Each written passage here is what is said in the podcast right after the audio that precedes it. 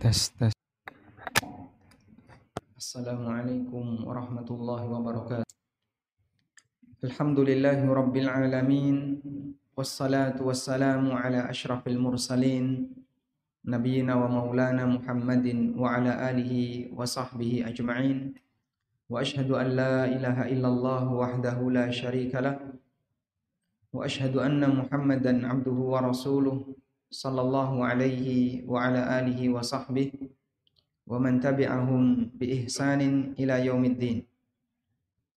Alhamdulillah puji syukur kita haturkan kehadirat Allah Subhanahu wa taala atas kemudahan yang Allah berikan kepada kita sehingga bisa melaksanakan rangkaian ibadah sepanjang bulan Ramadan hingga sampai di 10 hari yang terakhir dan kita memohon kepada Allah Semoga Allah Ta'ala memberikan kemudahan bagi kita untuk bisa meraih Lailatul Qadar. Dan waktu yang istimewa, bagian ujungnya lebih afdal dibandingkan bagian awalnya.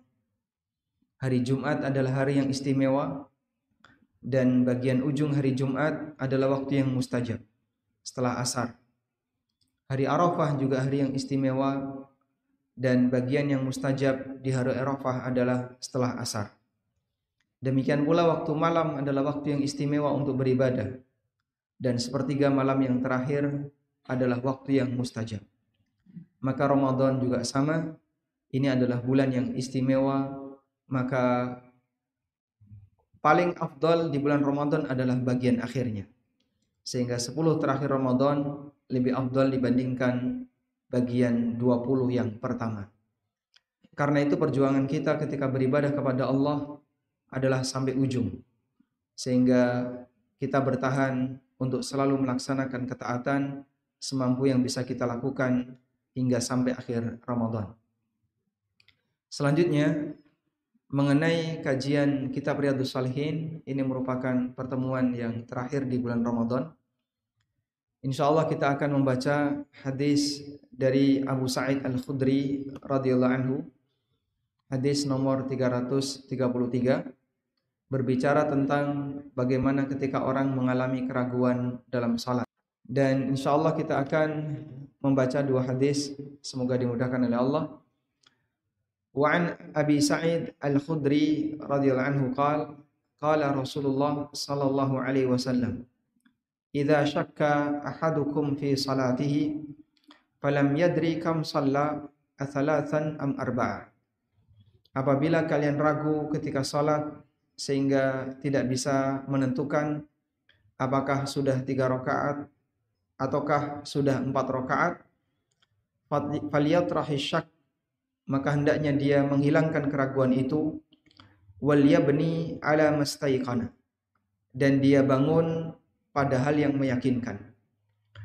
Dibangun di atas prinsip yang meyakinkan artinya dia kembalikan kepada mana yang lebih sedikit karena ketika ada perbedaan dalam jumlah antara yang banyak dan sedikit, maka yang lebih sedikit lebih meyakinkan. Sebab yang banyak ini ada satu yang diragukan. Tiga atau empat. Sudah tiga, uh, sudah empat atau baru tiga. Berarti kan ada satu yang meragukan. Nah, ketika satu meragukan itu dihilangkan, maka kita bisa yakin nggak ada yang kurang. Thumma yasjud sajadataini qabla yusallima Kemudian dia bisa sujud dua kali yaitu sujud sahwi sebelum salam. Fa in kana shalla khamsan kalau ternyata dia salat lima rakaat syafa'na lahu salatahu maka posisi sujud sahwi tadi akan menggenapkan salatnya. Sehingga salatnya tidak ganjil tapi genap. Dan tidak ada salat siang yang ganjil. Wa in kana shalla tamaman dan kalaupun dia salat dengan jumlah rakaat yang lengkap alias tidak ada tambahan kanata targhiman syaitan maka sujud sahwi itu adalah penghinaan bagi setan. Bani Adam bisa menghina setan dengan cara sujud. Dan nas yang menyebutkan ini ada dua. Pertama sujud sahwi karena setan menggoda orang dengan cara membuat dia lupa dan tidak konsen ketika sholat. Sebagaimana disebutkan dalam hadis yang sahih karena syaitanu yuqalu lahu khinzib. Ada setan yang bernama khinzib yang dia menggoda manusia ketika salat.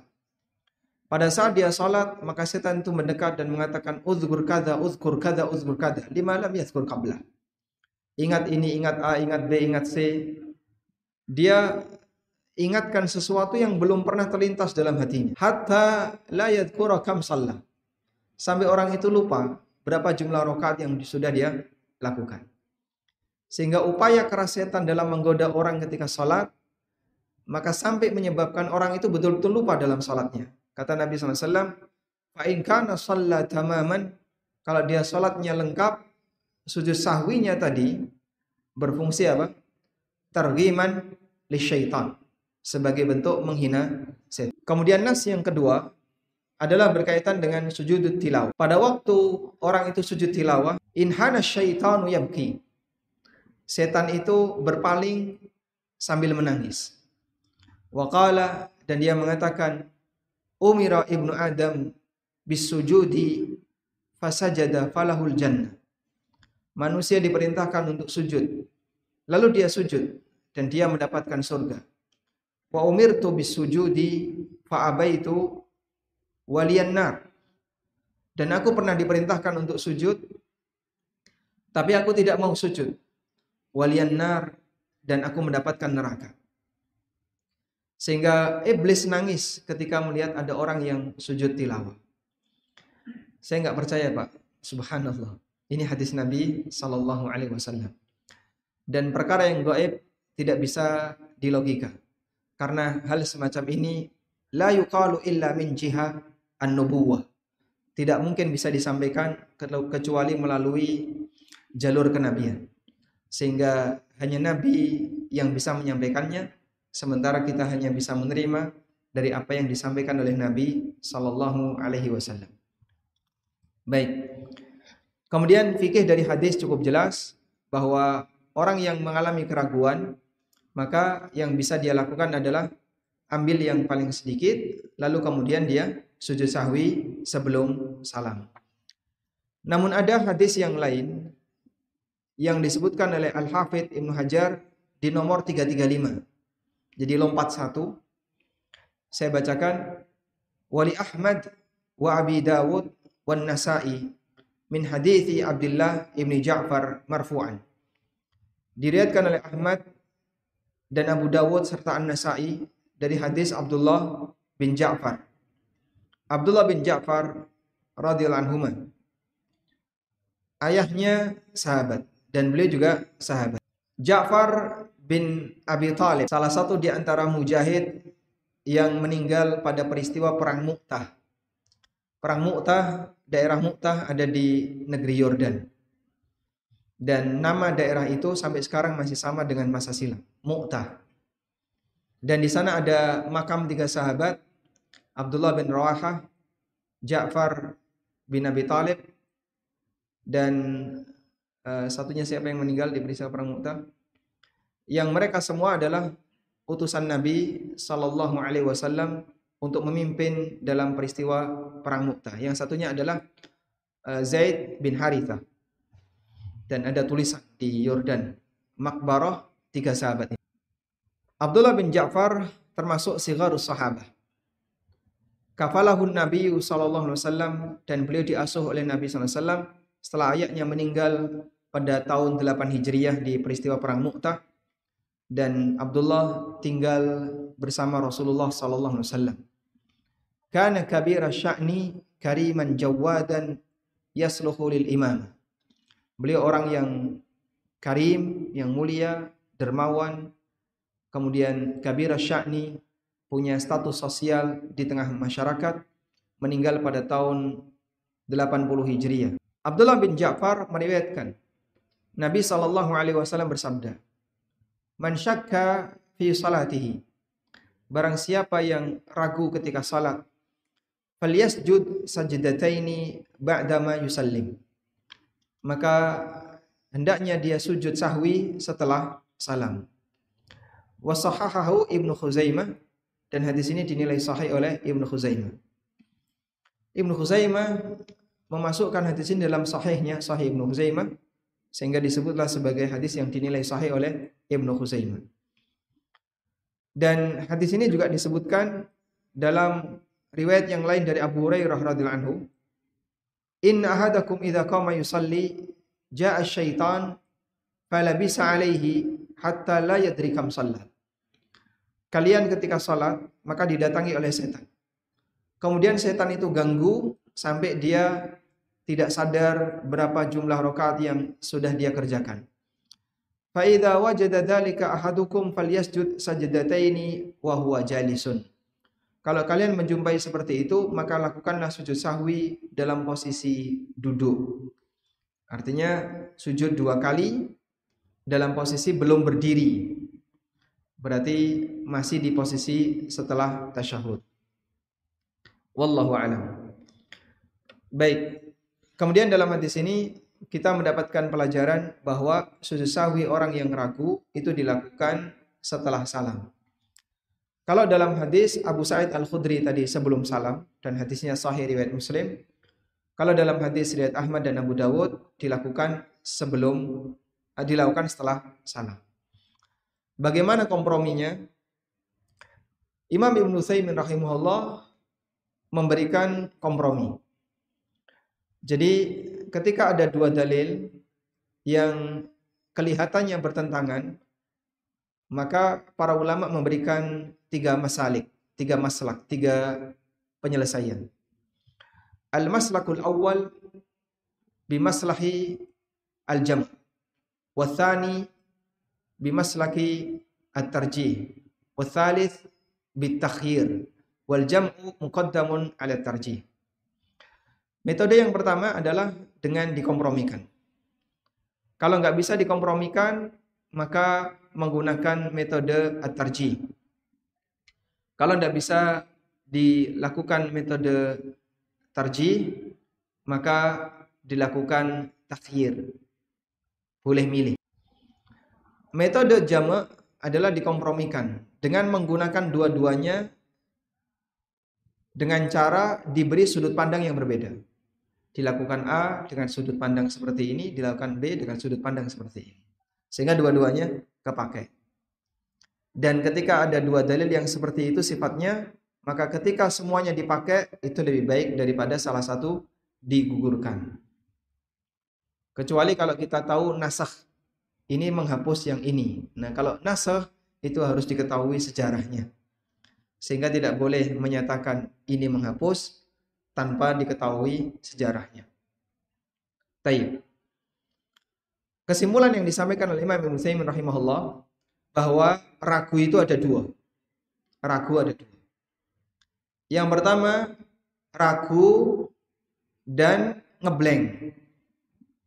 Sehingga tidak bisa menentukan ini kira-kira mana yang lebih dekat pada yang benar. Ragu kok ngeblank, maka gunakan prinsip ambil yang lebih sedikit. Gunakan prinsip ambil yang lebih sedikit. Ragu apakah tiga atau empat, pilih tiga. Lalu setelah itu sujud sahwi sebelum salam. Yang kedua, ragu dan punya indikator. Saya ragu, tapi sebentar dulu. Kayaknya kok tadi baru saja tasyahud awal. Tadi baru saja tasyahud awal. Berarti dia punya indikator ini lebih dekat kepada rakaat yang ketiga. Sehingga ketika dia ragu tapi punya indikator, ikuti apa yang meyakinkan baginya. Lalu dia sujud sahwi setelah salam. Sehingga ragu tapi dia punya indikator untuk menentukan yang lebih kuat, maka dia pilih yang lebih kuat lalu sujud sahwi setelah salam. Wallahu alam itu kompromi yang diberikan oleh Imam Ibn Thaymin sebagaimana dalam risalah beliau tentang sujud sahwi. Namun ada yang mengatakan metode tarji. Metode tarji itu melemahkan salah satu. Kalau hadis Abu Sa'id Al-Khudri, riwayat Muslim, sedangkan hadis Abdullah bin Ja'far, ini riwayat Ahmad Abu Dawud dan dinilai oleh sebagian ulama sebagai hadis dhaif, maka berarti keterangan sujud setelah salam statusnya statusnya adalah iltirab. Ada yang goncang di situ. Sehingga dia bertentangan dengan riwayat yang sahih maka ini dihilangkan. Itu kalau metodenya menggunakan metode tarji. Dan yang bertugas bisa menentukan ini metode jama' tarjih atau nasakh atau takhir ini adalah para ulama mujtahid yang mereka punya piranti untuk menentukan mana yang lebih mendekati. Dan insya Allah kami lebih memilih pendapat yang mengatakan digabungkan dan hadis dari Abdullah bin Ja'far termasuk hadis yang bisa diterima sehingga yang lebih tepat adalah membagi keraguan dengan dua hal tadi. Wallahu Walhamdulillahirabbil alamin. Sudah ngantuk? Belum? Belum, kita tambah. Baik, teman-teman yang tidur dibangunkan sebentar lagi jam 1 ya, nanti tidak telat kuliahnya. Kita baca hadis dari Ibnu Mas'ud radhiyallahu dari Abdullah bin Mas'ud radhiyallahu anhu, beliau menceritakan, "Shalla Rasulullah sallallahu alaihi wasallam. Fasallama sal, falamma sallama qila lahu." Nabi wasallam pernah salat. Ketika salam, maka beliau ditanya, "Ya Rasulullah, ahadatsa fi salati syai'?" Ya Rasulullah, apakah ada tambahan dalam tata cara salat? Qala, jawab beliau, "Wa madza?" Apa yang terjadi? Qalu mereka menjawab sallaita kada wa kada. Anda salat dengan jumlah rakaat sekian. Dalam riwayat yang lain beliau salat dengan jumlah rakaat kelebihan. Yang harusnya 4 rakaat dikerjakan berapa? 5 rakaat. Fasana rijlaihi wastaqbala al-qiblah fasajada sajadataini Kemudian thumma sallama thumma aqbala alaina biwajhihi. Lalu Nabi wasallam mengembalikan posisi kakinya. Kemudian beliau menghadap ke arah kiblat dan sujud dua kali. Lalu beliau salam. Kemudian beliau menghadap ke arah kami. Faqala lalu beliau bersabda. Innahu law hadatha fis salati syai'un ambatukum bihi. Kalau ada perubahan tentang tata cara salat, aku akan sampaikan kepada kalian. Walakin innama ana bashar. Namun aku hanyalah manusia biasa. Ansa kama tansaun. Aku lupa sebagaimana kalian lupa. Fa idza nasitu fadzakiruni. Kalau aku lupa maka ingatkan. Status Nabi sebagai manusia itu diingkari oleh orang musyrik. Nabi kok lupa? Itu orang musyrik nggak mau terima. Bahkan sampai mereka mengatakan wa qalu ma li hadzal rasul ya'kulu ta'ama wa yamshi fil aswaq. Ini nabi apaan sih? Nabi kok makan? Nabi kok jalan-jalan di pasar? Memang kalau nabi nggak boleh makan. Nabi tidak boleh berdagang atau transaksi jual beli di pasar. Laula unzila alaihi malakun fayakuna ma'ahu nadhiran. Kenapa yang diturunkan gak malaikat? Lalu dia menjadi pemberi peringatan. Nah, kalau nabinya malaikat gimana kau bisa lihat? Dan akan ada banyak hal yang tidak bisa dilakukan karena malaikat tidak sama dengan manusia. Apa yang mau ditiru? Maka kehadiran nabi dari kalangan manusia itu nikmat. Turunannya banyak sekali. Ketika kita yakin nabi adalah manusia, turunannya banyak. Nah, salah satu yang dipermasalahkan oleh kaum muslimin padahal itu bagian dari sifat manusia. Dan itu real. Tapi ditolak oleh sebagian orang adalah keberadaan beliau pernah disihir. Nabi SAW pernah disihir. Tidak terima itu. Mana hadisnya? Ini, riwayat Bukhari. Oh, hadis ini bermasalah. Kenapa? Karena mengatakan yang aneh. Aneh menurut siapa? Realita Kenapa kau tolak? Kalaupun aneh dan itu realita, ini kan kejadian masa silam dan kejadian cuma diceritakan. Lalu kemudian itu sahih, valid, kau sebut itu hal yang aneh. Sesuatu yang aneh kalau berdasarkan logika kamu, ya mohon maaf, logika saya nggak terima. Logika saya menganggap ini tidak aneh.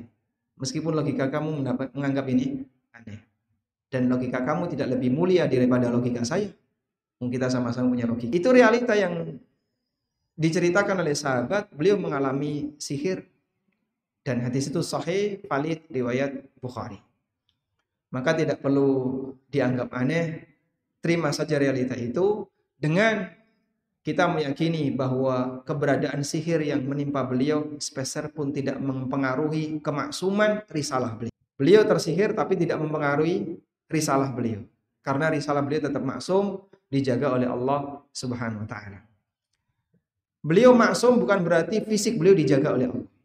Terbukti beliau kena senjata dan beliau terluka, beliau sakit, beliau terjatuh dari kendaraan. Maka beliau maksum bukan berarti beliau ketika jatuh terus mumbul gitu. Ketika dibacok terus kebal. Nabi SAW kebal atau tidak Pak? Kebal nggak? Enggak. Sekarang kan orang menyebut, wah hebat kalau kebal. Sampai diperjuangkan untuk bisa memiliki ilmu kebal. Nabimu tidak kebal. Nabimu tidak kebal. Maka kalau kau mau meniru nabimu, jangan cari ilmu kebal ya. Sehingga debus itu bukan ajaran Islam. Ya. Karena itu ketika beliau menyampaikan, saya lupa sebagaimana kalian lupa, kita jadinya punya panduan. Gimana sih caranya ketika kita mengalami keluh. Sehingga prinsip seperti ini bagian dari akidah yang ditanamkan dalam Islam dan dalam Al-Quran. Apa yang aneh kalau Nabi itu manusia? Siapa yang mengatakan ada sifat manusiawi yang aneh pada diri Nabi, itu tanda, itulah uh, keyakinan orang musyrik dulu. Mereka nggak nerima. Nabi kok kayak gini. Padahal Nabi sama-sama sebagaimana manusia. Hanya saja mereka adalah orang yang diberi wahyu oleh Allah Subhanahu wa taala. Qul innama ana basyarum mithlukum yuha ilayya annama ilahukum ilahu wahid. Katakan wahai Muhammad, aku adalah manusia sebagaimana kalian yuha ilayya. Hanya saja aku diberi wahyu. Ada banyak penyimpangan orang dalam masalah ini seperti Nasrani yang menganggap bahwasanya Nabi Isa bukan manusia normal tapi anak Tuhan dan turunan yang lainnya juga terjadi pada Yahudi. Lalu beliau mengatakan terdapat tambahan fal yutimma thumma yusallim thumma yasjud. Lanjutkan salatnya, kemudian salam, kemudian sujud sahwi. Dan dalam riwayat Muslim bahwa Nabi SAW sujud sahwi dua kali setelah salam wal kalam setelah salam dan setelah bicara. Karena beliau diskusi dengan imam. Baik. Nah, sekarang ada kasus. Imam lupa. Sehingga sholat empat rakaat dia naik ke rakaat yang kelima. Lalu makmum mengucapkan subhanallah. Setelah itu imam duduk. Udah, imam duduk untuk tasyahud akhir. Lalu ada makmum yang mengucapkan subhanallah. Akhirnya imamnya berdiri lagi. Subhanallah. Jadi makmumnya terjadi ikhtilaf. Yang sampai merepotkan imam. Ngadek keliru, lunggoyo salah. Sudah? Pertanyaannya apa yang harus dilakukan? Apa yang dilakukan? Ya. Bubar baleni. Salatnya diulang atau bagaimana? Maka dalam posisi ini terjadilah keraguan pada diri imam wal yataharra as-shawab. Dia cari yang paling mendekati kebenaran menurut istihadnya. Sehingga dia beristihad ketika salat. Dan dia sebagai pemimpin. Maka kalau dia pilih suara satu kok kayaknya uh, oh itu suaranya Paiti subhanallah. Suara dua oh Pak Abdul Somad. Kayaknya lebih sahih Pak Abdul Somad. Nah, dia ikuti suaranya Pak Abdul Somad. Misalnya dia kenal makmumnya ya. Yang satu suaranya A, yang satu suaranya B. Lalu dia ikuti suaranya B. Baik, saya pilih suaranya B. Insya Allah lebih yakin. Sudah selesai sholat, nanti sujud sahwi setelah. Sehingga dalam posisi terjadi khilaf, kanan subhanallah, kiri subhanallah, dia serba bingung, salah, pilih mana yang menurut dia lebih yakin, lanjutkan sampai selesai, kemudian sujud sahwi setelah salam. Wallahu a'lam. Walhamdulillahirabbil alamin. Baik. Alhamdulillah. Silakan bangun kajian sudah selesai ya. Ada yang mau disampaikan? Masih ada dua menit atau tiga menit. Tafadhol. Silakan. Boleh. Dia boleh mengikuti yang paling sedikit. Sehingga ketika dia ragu dia ngambil yang paling sedikit silahkan. Lalu nanti sujud sahwi sebelum ya sujud sahwi setelah salam semua sujud sahwi dalam kaidah berapa dulu? Sembilan kaidah yang kita berikan untuk sujud sahwi semuanya ditutup dengan salam.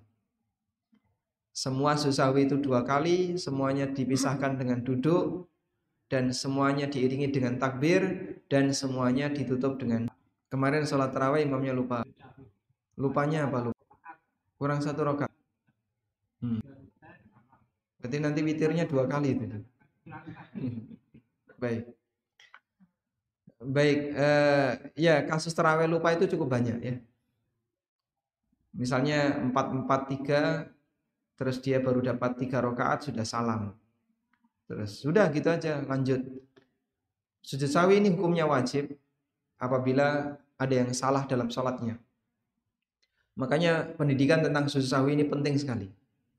Dan ketika pertama kali saya belajar ini, Masya Allah, saya senang sekali dan tak ulang-ulang terus. Pokoknya sampai kudu ngelotok tentang sujud sawi, paham betul. Sehingga menjumpai banyak kasus dalam sholat. Semoga nanti bisa dijelaskan dengan teori sujud sawi ini. Seharusnya ketika dia salam tiga rakaat, kok ada makmum yang yakin ini kayaknya kurang, langsung protes, jangan lanjutkan dulu, kamu kurang satu rakaat. Tambahkan satu rakaat, lalu sujud sahwi setelah salam. Jadi kalau makmumnya tahu imamnya salah, setelah sholat salam kasih tahu, kamu tadi salah, tambahkan ini. Ada yang bingungi kayak gini. Ada makmum ustadz, imamnya jamaah biasa ya yang nggak ngerti fikih sujud sahwi selesai sholat ada yang keliru tadi ya ada yang keliru. Selesai sholat bingung imamnya. Terus habis itu ngapain? Maka makmumnya ngajari seharusnya kamu sujud sahwi. Kalau kamu sujud sahwi saya sujud sahwi. Biar makmumnya ikut sujud sahwi. Nah kayak gitu caranya. Sehingga makmum ngajari imam apa yang harus dilakukan. Ketika imam melakukan sujud sahwi, maka makmumnya ikut sujud sahwi. Allah. Kalau sholat jenazah takbirnya kelebihan sampai lima kali. Adakah sujud sahwi? Jawabannya tidak ada. Kalau takbirnya kelebihan ya sudah langsung salam. Dan kelebihan takbir dalam sholat jenazah itu tidak sampai menyebabkan sholatnya batal. Karena dalam sebagian riwayat Rasulullah Shallallahu Alaihi Wasallam pernah sholat jenazah dengan takbir lebih dari lima, eh, lebih dari empat. Ada riwayat sembilan. Dan waktu itu beliau mensolati uh, jenazah syuhada Uhud. Sehingga dilebihkan karena ingin memperbanyak doa. Karena itu insya Allah tidak masalah jika kelebihan takbir. Dan langsung salah. Baik. Saya ulang ya pertanyaannya.